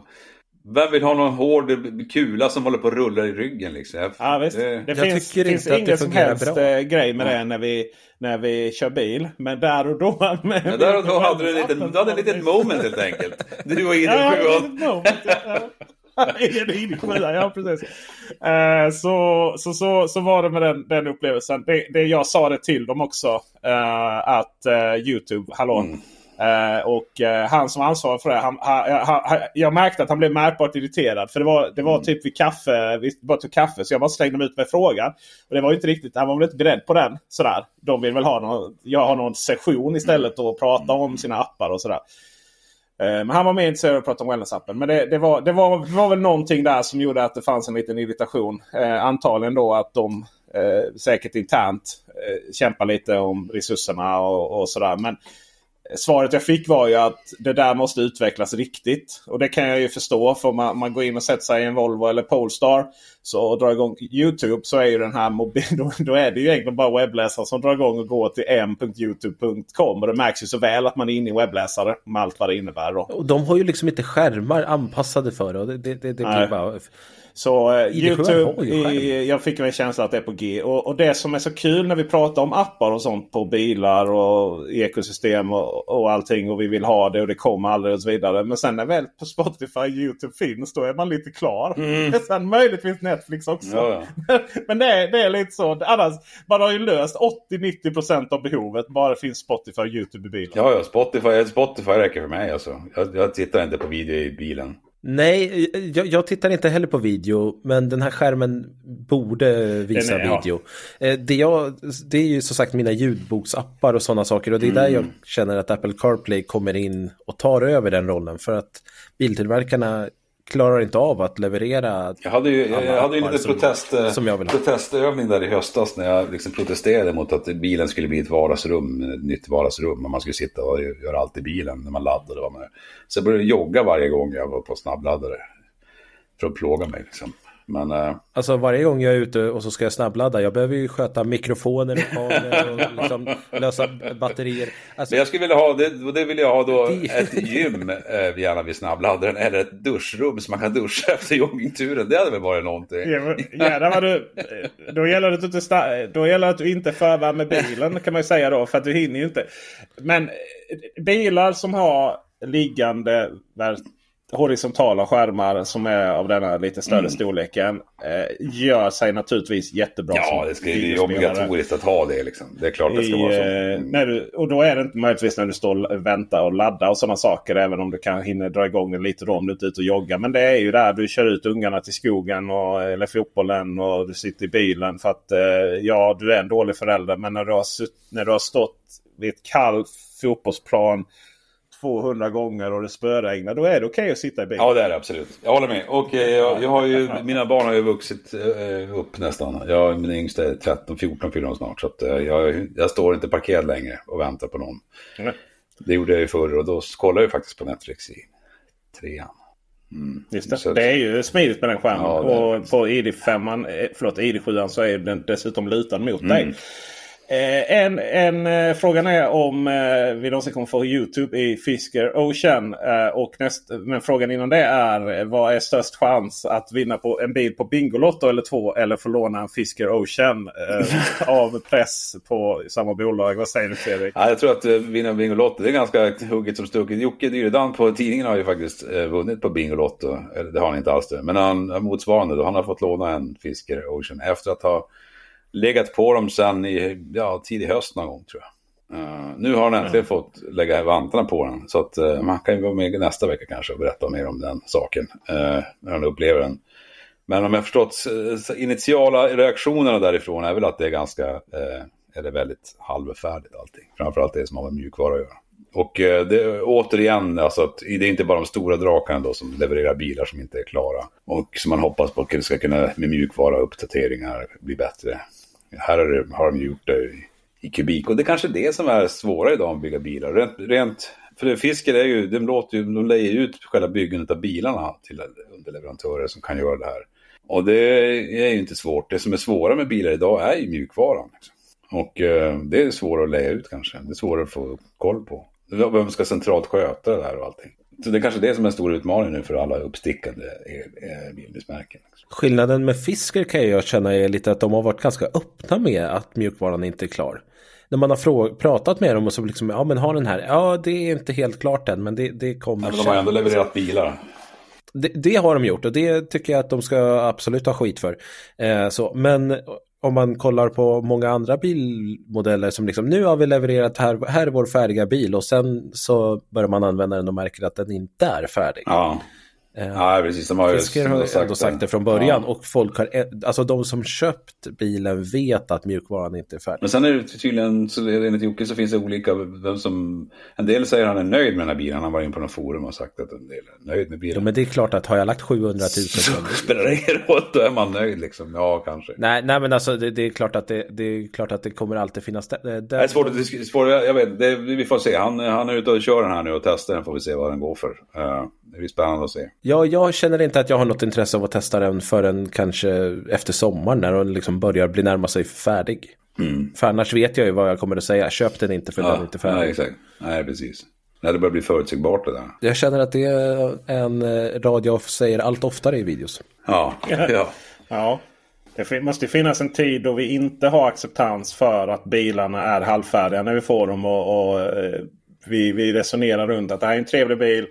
Du är lite betatestare, men så är det nu. Ja. Det måste finnas en framtid då vi överhuvudtaget inte accepterar den typen av bilar. Nej, men många, många är ju accepterande av det. Jag har ju så varit ganska inblandad i Seeker 001 eftersom jag eh, fick köra den där och sågade mjukvaran. Och det är flera liksom, ja men jag köpte första Polestar och den var inte heller bra. Det här får man lite räkna med när det kommer ett ny, nytt eh, bilmärke liksom. Men så var det när Tesla kom och det, det höll jag nog med om då alltså. Så när Tesla dök upp på marknaden. Men varför var det okej okay då? Det som var med Tesla då var väl att de, de var inte tillnärmelsevis lika dåliga som de är idag. De, det fung, vissa saker, det gick ju fort att uppdatera. Alltså de, de ordnade saker väldigt snabbt i sin uppfinning, som jag minns det, kanske har fel i det här. Eh, det som var problemet med Tesla i början var ju snarare att eh, hårdvaran var kackig och det är den ju fortfarande i viss mån. Eh, Länkarmar och allt vad det är liksom, som har strulat och, och, och luftfjädringen är tidigare Model S. Och det är mycket som har, de har haft mekaniska problem. Liksom och kvalitetsmässiga problem under alla år. Men mjukvarumässigt har de ju inte varit... Där har ju saker fungerat mycket bättre. Och de var ju så tidigt ute också. Det var ju ingen som... De var ju först med allt. Och mm. då, då var det, då var det, wow vad coolt. Då accepterar man ju det där på ett annat sätt. Och sen var det ju inte de här grundfunktionerna som... Just det, Tesla, helt plötsligt så presenterar de, ah, nu kommer vi förvärma batterierna när du laddar på alla, alla bilarna. Pong, och så kom det ut en med Volkswagen så, nej, vi måste, vi, det går inte att göra det över det är. Vi måste, det är maskinellt och bla bla bla. Liksom. De, de fick, Volkswagen får alltid börja med att be om ursäkt för att det inte går. Liksom. Medan, medan Tesla presenterade grejer som man inte visste fanns eller att man ens behövde. Uh, och så fick man det. Ja, det, det, är ju en jäkla skillnad i approach här. Liksom. Ja, det, det, kan jag hålla med om. Ja, och det är ju för att Tesla har från grunden byggt det här. Det är mjukvaruingenjörer som har byggt de här bilarna. Allt är simulerat. De har, jag tror inte en test. Alltså, de simulerar... Nej, det gör de nog inte. Ja, ja, precis. Och sen så har de... Och sen, och sen så är det allt, vi är från grunden byggt av mjukvaruingenjörer. Jag tyckte det var någon siffra där för många år sedan som jag hörde att Tesla består av 60% av mjukvaruingenjörer medan på Nissan är de 5% eller sånt där. Alltså Tesla byggdes ju... Jo, det kan vi ju se på. Ja. De, de, har väl inga på Nissan. Nej. För de har inte uppdaterat det Nej. systemet sen. Ja, men så var det sen... på Volkswagen också. Alla de andra. Alltså, Tesla kommer från Silicon Valley. Det är liksom Elon Musk en datanörd. Liksom. Och han hade mm. fått tag på de absolut bästa mjukvaruingenjörerna. Det är, ingen, det är, ingen, det är så är det liksom. Och det var ju det som var, de visste ju det här också då tror jag att vi kommer kunna göra det här mycket smartare än vad bilindustrin gör det. För att vi kommer göra allt datorer. Liksom. Det som Tesla är riktigt bra på är ju att, att, att ta teknik som, som finns och göra den ja. riktigt, riktigt Exakt. bra. Det är, det är egentligen Elon Musks att, grej det där. Ja, precis. Sen, sen, eh, eh, men sen också, som jag sa innan, det finns alltså ett, ett mynt, har en baksida också. Och, och där, Tesla finns ju en övertro vad de kan göra med viss mjukvara för att kompensera för avsaknad av viss hårdvara. Så är det, så är det också naturligtvis. Eh, och, och, så. Sen får vi ju se vem som vinner racet. Det jag stör mig på, jag stör mig alltid på sådana små detaljer. Det är ju det här med biltillverkare som har olika appar för olika bilar. Det finns till och med ibland flera appar för samma bil. Eh, ja, det och, också. Ja. Eh, jag tror Skoda är så här, ah, vilken Skoda ska vi ladda hem? Jag har precis laddat hem nya Volvo EX30-appen. För ja, den, precis. Där har vi en appen, den dög inte längre.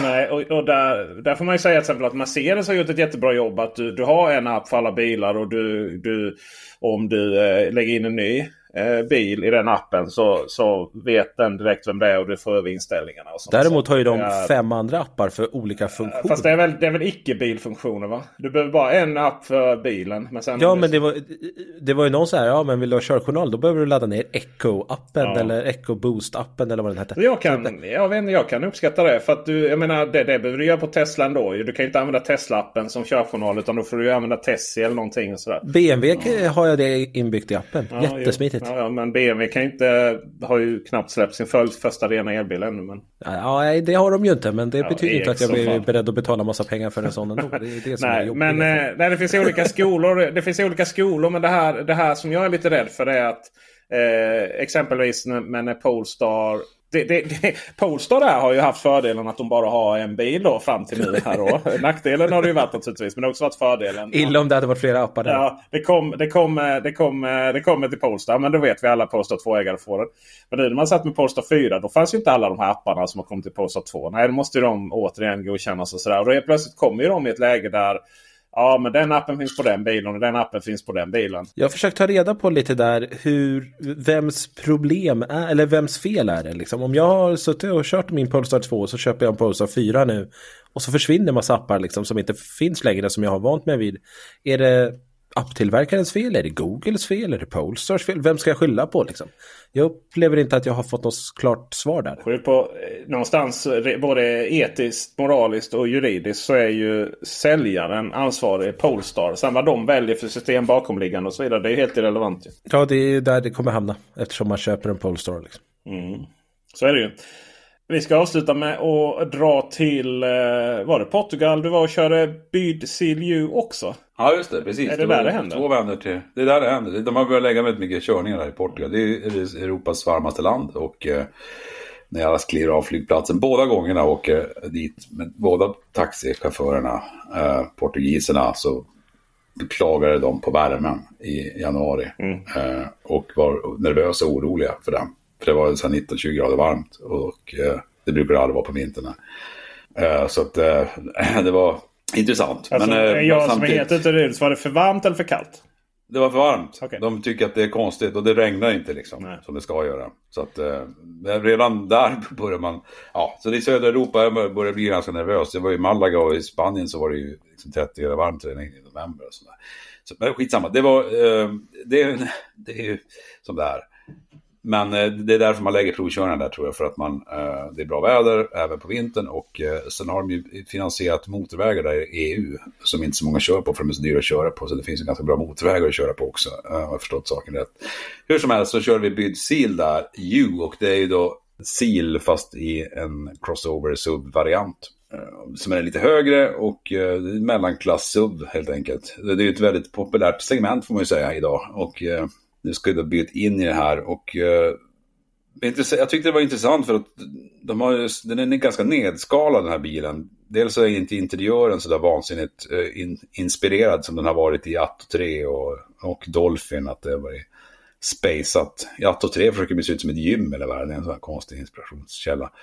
Men här... här är det inte en, ja, är det inte så här, äh, spelreplokal snarare? Ja, det också. Ja. Fast det är ju vissa saker. Alltså väx, växelvälgen ska se ut som ett kettlebell-handtag. Typ. Aha, okej. Okay. okay. ja, ja. Här är det betydligt mer traditionell bil. Och fina materialval och sådär. Det kändes väldigt gediget. Och den var skön att köra och den, det var väldigt mellanmjölk rätt in i bil som tar dig från punkt A till punkt B fast ändå det sitter högt och eh, bra packning. 535 liter tror jag det var där bak. Uh, familjekärra. Så att jag, jag, och accelerationen var inte alls något häpnadsväckande. 9,3 sekunder ungefär. Framhjulsdrift. Oj, det är ju nästan så du fick putta den igång den. ja, precis. Jag tycker. Men för många är ju det där ingen grej liksom. Utan man vill ha. Och då kände jag att här har nog har de nog faktiskt, jag är inte jätte, var ju speciellt imponerad av Byds bilar fram till nu. De, jag tycker inte om Atto 3, jag tycker inte om Dolphin, jag nästan avskyr den här Dolphin och jag gillar inte uh, Tang heller speciellt bra. Uh, eller om det var Han. Tang, var, ta, tang och Han var ju enfarsbilar och lite sådana tidigare. Ja, uh, precis. Atto det var... 3 var väl lite småmysig och väldigt billig Nej, uh, för alltså. privatleasing. Alltså. Ja, billig privatleasing. Ja. Det, det är det som jag kommer till det då. Så, det, men Silju kändes faktiskt riktigt bra om de får en, ner priset på den. Alltså om de kan göra den en hundring billigare än en Model Y, då tror jag de kommer att sälja stora volymer. Eller, eller någon fantastisk privatleasingkampanj på den. Oj, de måste göra det flyga, alltså. liksom.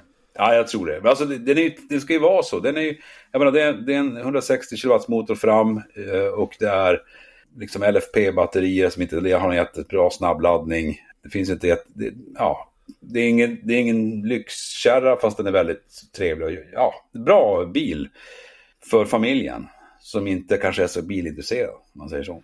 Samtidigt så, för att om de, om de ska hamna, om de hamnar då och konkurrerar med Model Y då, under 800 liter plus bagageutrymme, ja ni vet allt det här med Model Y, så, det går inte att konkurrera med. Du måste ner i pris då. Och jag tror att de kämpar med det nu, för de sa att de skulle komma med svenska priser i början av februari och de har ändå inte ramlat ner. Så jag tror de försöker få till någon, någon bra deal med det där.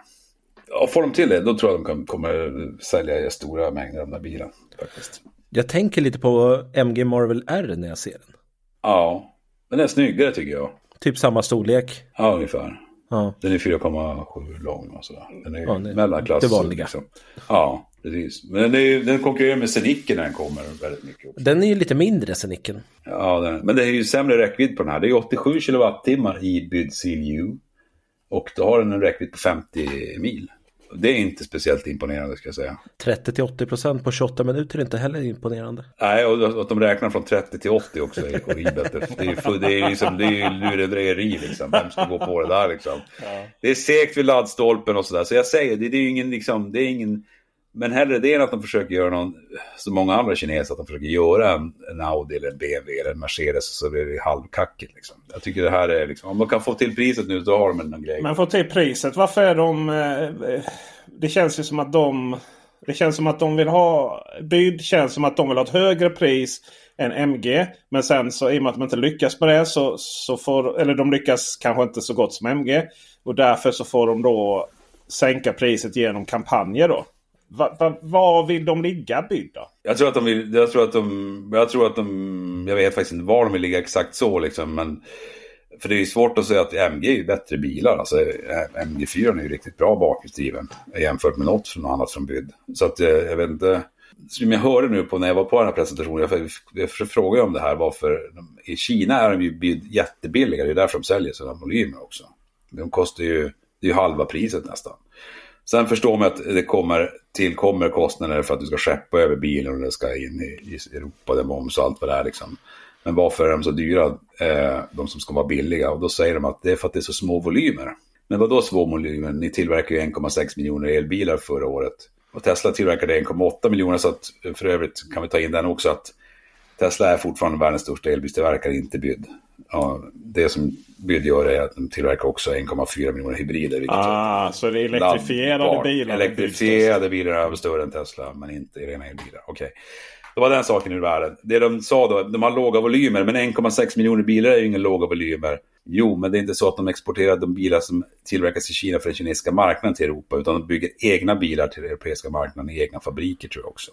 De bilar som åker till Europa är längre till exempel, för de måste ha krockzoner och sådana grejer för att anpassa till europeiska säkerhetssystem. Ja, vad snällt. Och de, ja, precis. Och de har även, eh, det är även andra saker eh, som kommer i aspekter som har att göra med att eh, det är andra bilar som skickas till Europa än det som skickas till Kina. Så därför så finns det inga volymer att tala med. Så att det hela är alltså en volymfråga för Byd. När de får upp volymerna för europeiska marknaden så kommer de ju få ner priserna markant. Liksom. För de här LFP-cellerna talar ju för det. Och eh, de kan ju också bygga bilar uppenbarligen i stora volymer. Så att jag skulle säga att än så länge är inte Byd något stort hot mot de europeiska biltillverkarna. Men inom kort kommer de vara det när de, när volymerna tillkommer. Och nu ska de ju börja bygga bilar i Europa till och med. Så. Men de har ju låga privatleasingpriser. Där måste ju väl någon stå för liksom värdet sen. Ja, det är Byd själva som står på det och det kan Peter Essen. Ja, de skickar ju eh, varje gång det säljs en Byd E-bil via de kampanjerna så är det kickback på många, många, många, många, många tusen. Över 100 000 till upp mot 200 000 har jag hört. Till eh, Hedin bil då, som är generalagent. Men kan man inte använda samma princip på kontantpriset då? Så att du får ner kontantpris? Alltså för att lansera bydd att... Ja, då får vi tillbaks, då får vi tillbaks bilen och kan sälja den sen på andrahandsmarknaden. Det är något med det att göra tror jag. Hela bilvärlden känns ju som att allting handlar om finansbolaget. Jag vet ju när jag ja. köpte min Audi E-tron 55. Eh, köpte och köpte privatleasade. Då var det också så här, när stora posten kampanj. Volkswagen Finans. Det var, det var ju också om det var 100 papp som drogs av och allt vad det var. Eh, de här, det, de här privatleasingpriserna har det är så intressant med privatleasing. För det var så fort jag frågade handlade någonting om, om eh, sådär. Allt jag frågade handlade om när det kom till privatleasingrelaterade spörsmål. Då den skulle tillbaka och sådana saker. Nej, det var, nej, jag kollar med. Det, det är helt upp till Folkvagen Finans. Helt, alltid var upp till Folkvagen ja. Finans. Det är verkligen mm. finansbolagen i, de här, i den här världen sitter ju på mycket makt när det kommer till priserna. Och är inte de inblandade så nej, då finns det ju inte heller någon, något att ge på dem. Då. Eh, så, men mm. jag, jag är hävd att jag tycker att eh, Byd Atto 3 är en underskattad bil. Eh, så jag, jag, jag gillar den som stadsbil. Jag tror vi får gå ut och göra upp om den saken. Och då är vi två mot tre, tänk på det. Ja, just det. Två mot tre. Får vi ihop haft två av tre. Ja. Nej, men, Nej, men det var ju, den är hopplös i kyla och den är hopplös i... Och, jag tycker att den är alldeles för gungig. Styrningen. Ja. Mm. Nej, jag har svårt för den. Det, igen där så måste vi prata om syfte då. Va? Jag gillar ju även eh, lilla Dolphin. Eh, men när jag säger att jag gillar Byd Atto 3. Då handlar det alltså om att köra till ICA eller Willys och hämta matkassar. Och den är lite skönare att köra in i stan än exempelvis Teslan. Eh, och när det kommer till, eh, när det kommer till Dolphin, ja just det. Och det, då, då är så här, den är ju perfekt som hemtjänstbil. Ja, Alla bilar har ju sina jag skulle, syften. Jag skulle, jag skulle aldrig vilja jobba i hemtjänsten med den som bil. Men, äh, Nej, så hemskt är det Nej, jag har inte kört det. jag tyckte det var, hemskt. Jag tyckte det var fruktansvärt. Jag tyckte det var fruktansvärt. Och framförallt är det prislappen. Wow, ja det, där har det ju. Det är ju en väldigt billig bil. Men det är ju inte för att den någonstans Det är billig. Fått, det, nej, det är ju för att den har ju typ inget batteri där i minstingen. Och e-fasladdning och allt vad det är på nej, minstingen. Det är, den är ju inte aktuell nej. den. Utan det är ju mycket yttersta där. Nej. Ja. Men jag tyckte att den var, den var lite kul att se interiörsmässigt. Den kändes som en klassisk bil utan... Men den var väl ganska spacad var den inte där? Nej, det var den väl inte det, det är så härligt. Det finns två saker som jag och Fredrik... Vi gillar varandra Fredrik Sandberg. Vi kan ta en kaffe på hotellfrukosten och njuta av varandras tillvaro. Men det finns uppenbarligen två saker då du och jag kan börja veva mot varandra. Det ena är ju då eh, relationen till byddbilar Hur bra de är. Eh, och, och, och, den andra är ju hur... Eh, liksom, vi är väl överens om att Elon Musk är en intressant figur. Men vi är väl inte riktigt helt helt överens om hur mycket personliga problem den mannen har tror jag. Nej, det tror jag inte. Nej, just det. Så är det nog ja. också. Ja. Jag, jag menar ju att han... Eh, jag vet inte, ska vi gå in på honom nu? Har vi tid för det? Det har vi väl. Ska vi ta en mask? Ska, ska, vi ta, en, ska vi ta liksom en sån här eh, vi pratar ut här nu? Uh,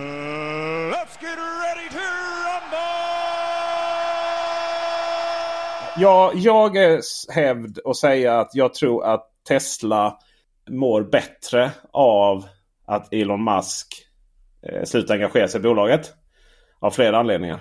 Precis som Apple blev ett bättre, välfungerande och mer produktivt bolag som levererar ännu mer bra grejer när Steve Jobs gick ur tiden. Även om det var otroligt tragiskt att han gjorde det.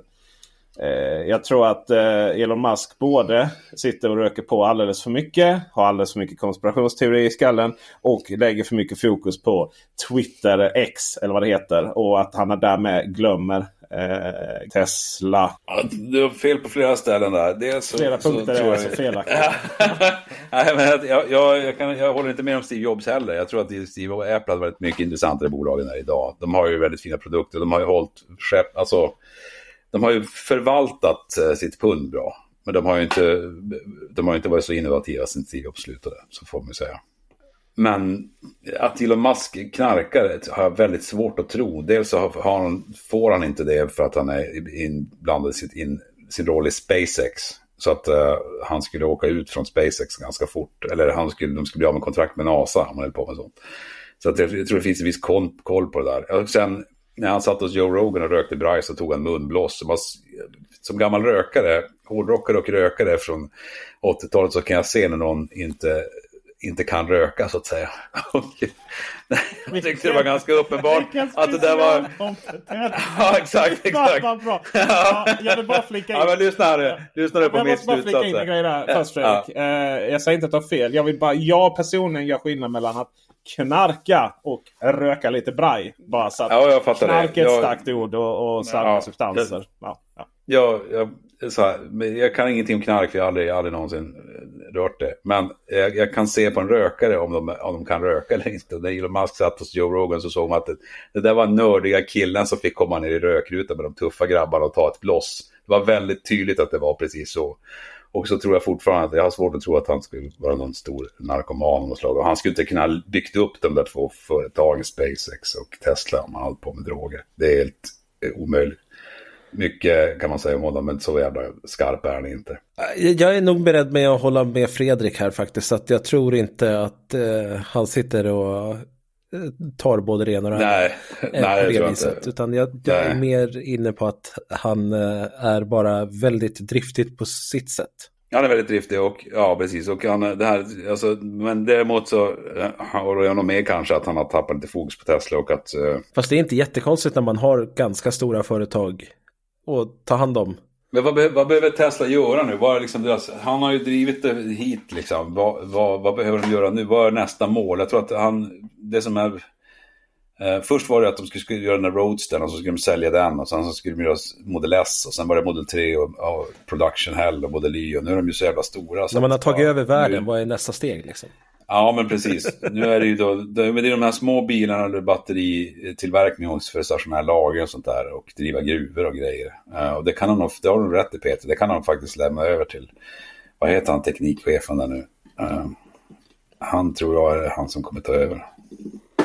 Han har glömt bort det. Eh, ja, nej, jag vill, kanske att Elon Musk bör stiga åt sidan. Men det, det kommer han aldrig göra. För att han äger så stor del av företaget och han blir ju det som jag tycker är viktigast, som jag har mest problem med Tesla, det är ju den här otydligheten i eh, vad är autopilot, enhanced autopilot. I, I Europa så existerar det knappt utökad autopilot. Den har ju knappt någon funktioner extra då. Eh, I och med att du inte kan få dem att parkera själva och sådana saker. Medan den funktionen fungerar i USA.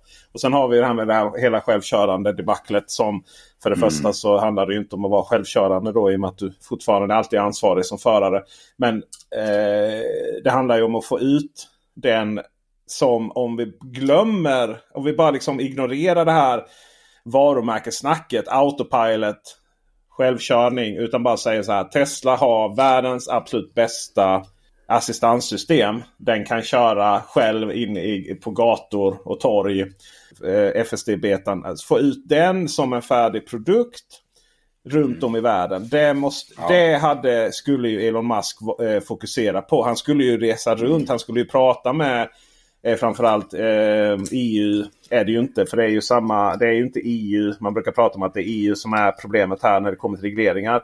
Men det är ju egentligen UNESCO. Vad heter det, UNESCO hela det, det är ju det FN-organet som reglerar bilar och dess regler runt om i världen. Minus USA och Afrika och Kina. Eh, med Japan, Europa och lite sådana saker i EES. Där är det samma regler. Och, och, det skulle han åka runt och påverka så att vi fick de här harmoniserade systemen runt hela världen. För, för igen, om man bortser från hela det här snacket och skämta om att ja, det är alltid nästa år, det kommer självkörande och så vidare. Utan bara konstatera att nej, bilarna kommer inte vara självkörande på det sättet att bilarna är ansvariga, inte föraren. Men Tesla har ju tagit fram världens bästa assistanssystem. Låt oss uppleva det nu. Mm. Det tycker jag är det absolut viktigaste som finns. Och sen så är det ju klart att om de då lyckas få ut en prisvärd Model 2 då innan kineserna lyckas sänka priserna alldeles för mycket. Innan ID2 och motsvarande kommer från tyskarna. Ja men då har vi ytterligare en jävla slägga rakt in i, i bilmarknaden. Mm. Så det är ju ja, det är viktiga fokus. Ja, ja, ja. Han, han slarvar bara, det tycker jag är sorgligt det som pågår nu. Att han slarvar bort alltihop. Att han har gett sig in i det här förbannade kulturkriget. Liksom, eh, med könskorrigeringar, intersexualitetsteorier och debatter. Och liksom, hela den där geggan som pågår i USA. Där är han inne och ska debattera. Ja som den där arge, arge farbrorn liksom på festen som ska trycka upp en i ett hörn liksom och berätta hur världen ligger till. Det är så kul också för att det är precis som att han har hittat Han har, han har liksom någon sån här nyrenässans av de här tankarna. Och så kör ja. de här samma gamla tråkiga, tråkiga populistargument som man har hört just ja, från farbrorn på ja. festen. Eh, som, den här, eh, som den här Ja men det är inte så intellektuellt helt plötsligt. Här har vi mannen Nej, som har byggt upp världen. Exakt. Ja, alltså och så hamnar ni i en fyllediskussion ja. på någon efterfest någonstans om, om könskorrigeringar är bra eller inte. Jag vet inte vad... vad Va, är det det han ska hålla på med liksom? Nej, Någon satt han twittrar om, om, också om p-pillrets hormonella påverkan. Vad, vad är det frågan om? Liksom? Ja, nej, det, är helt han, är, han, är, han är på väg in. Det är där han är på väg in. Och där är lite så här, det spelar ingen roll om han röker på eller inte. För han är på väg in i, mm. i samma galenskap ändå. Ja. Jag menar snart ja. kommer han ju börja med de här. För det finns ju alla de här. Det finns ju en process man går. Och det, jag vet om man inte redan har gjort det så kommer han ju snart börja prata om att exempelvis eh, sjukvården då är onda och elaka och, och gömmer. Ja, ja, ja. Han har ju varit inne i de där. Och sen så Jensen i Ukraina också säger att Ukraina inte kommer bli Ryssland kommer ta över Ukraina säger han. Ja, men det var ju vad folk har sagt till honom sen han startade Tesla. Att det här kommer inte gå. Du kommer inte kunna bygga några bilar. Vad är det för liksom ja. plötsligt att ja, de bara ska lägga sig platt? och vad vet han om någonting? Som har alltså, geopolitiska, han kan ingen statsvetenskap, han har aldrig läst. Han är en ingenjör, han ska väl inte ge sig in och debattera de här sakerna. Attraheras, det är inte hans område. Han attraheras, ju av, eh, han attraheras ju av de här auktoritära männen. Eh, på något sätt. Ja, ja precis. Det har, det har att göra med att, att den amerikanska högern har radikaliserats. Och den amerikanska vänstern har också radikaliserats. Det finns ju tokerier på vänsterkanten också. Mm. De här två de, de, den ena blir tokigare, de, de, de jobbar upp varandra. Man driver varandra, och, ja. Eh, ja. exakt. Och de som sitter i mitten och tycker att det kan vi ta det lite lugnt här och resonera om saken, de kommer alltid hamna i kläm i det här. Och det är, mm. så är det alltid liksom. Och tyvärr så har han ju hamnat i, i den här träsket, för han är svårt att ta sig ut. Vad jag skulle säga var att Andrew, eller David, eh, Drew Baglino heter han, som är en teknikchef på Tesla. Han brukar vara med på presentationer och sånt där han tror jag skulle behöva ta över Tesla för han verkar ha väldigt bra energi och förstå själva grejen. Var det han som sabbade Cybertrucken eller? Nej? Alltså, Nej, det var, ju, det, var ju, det var ju designchefen. kastade sten på Det var ju Frans von Holzhausen. Ja, ja. ja, ja.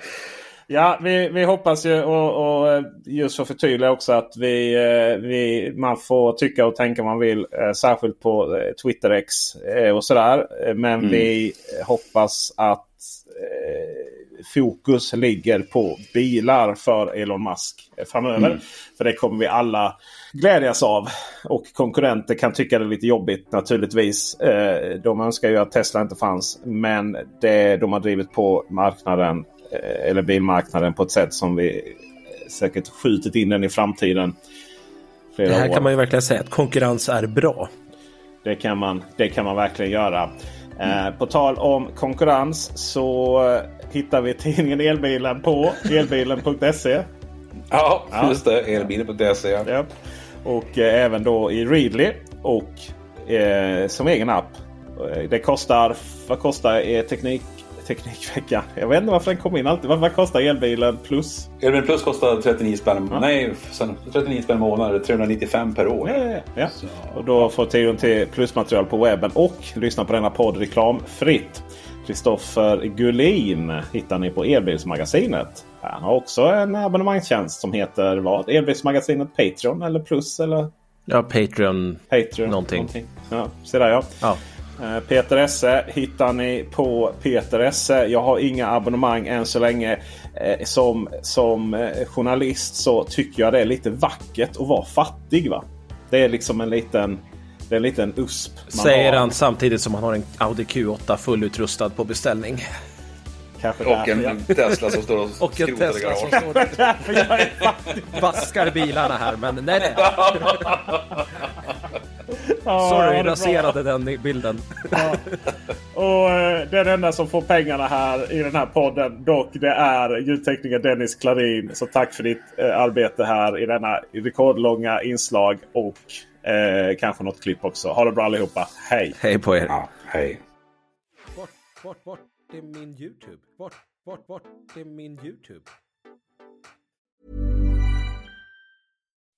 When you make decisions for your company, you look for the no-brainers. If you have a lot of mailing to do, stamps.com is the ultimate no-brainer. Use the Stamps.com mobile app to mail everything you need to keep your business running with up to 89% off USPS and UPS. Make the same no brainer decision as over 1 million other businesses with Stamps.com. Use code PROGRAM for a special offer. That's Stamps.com code PROGRAM.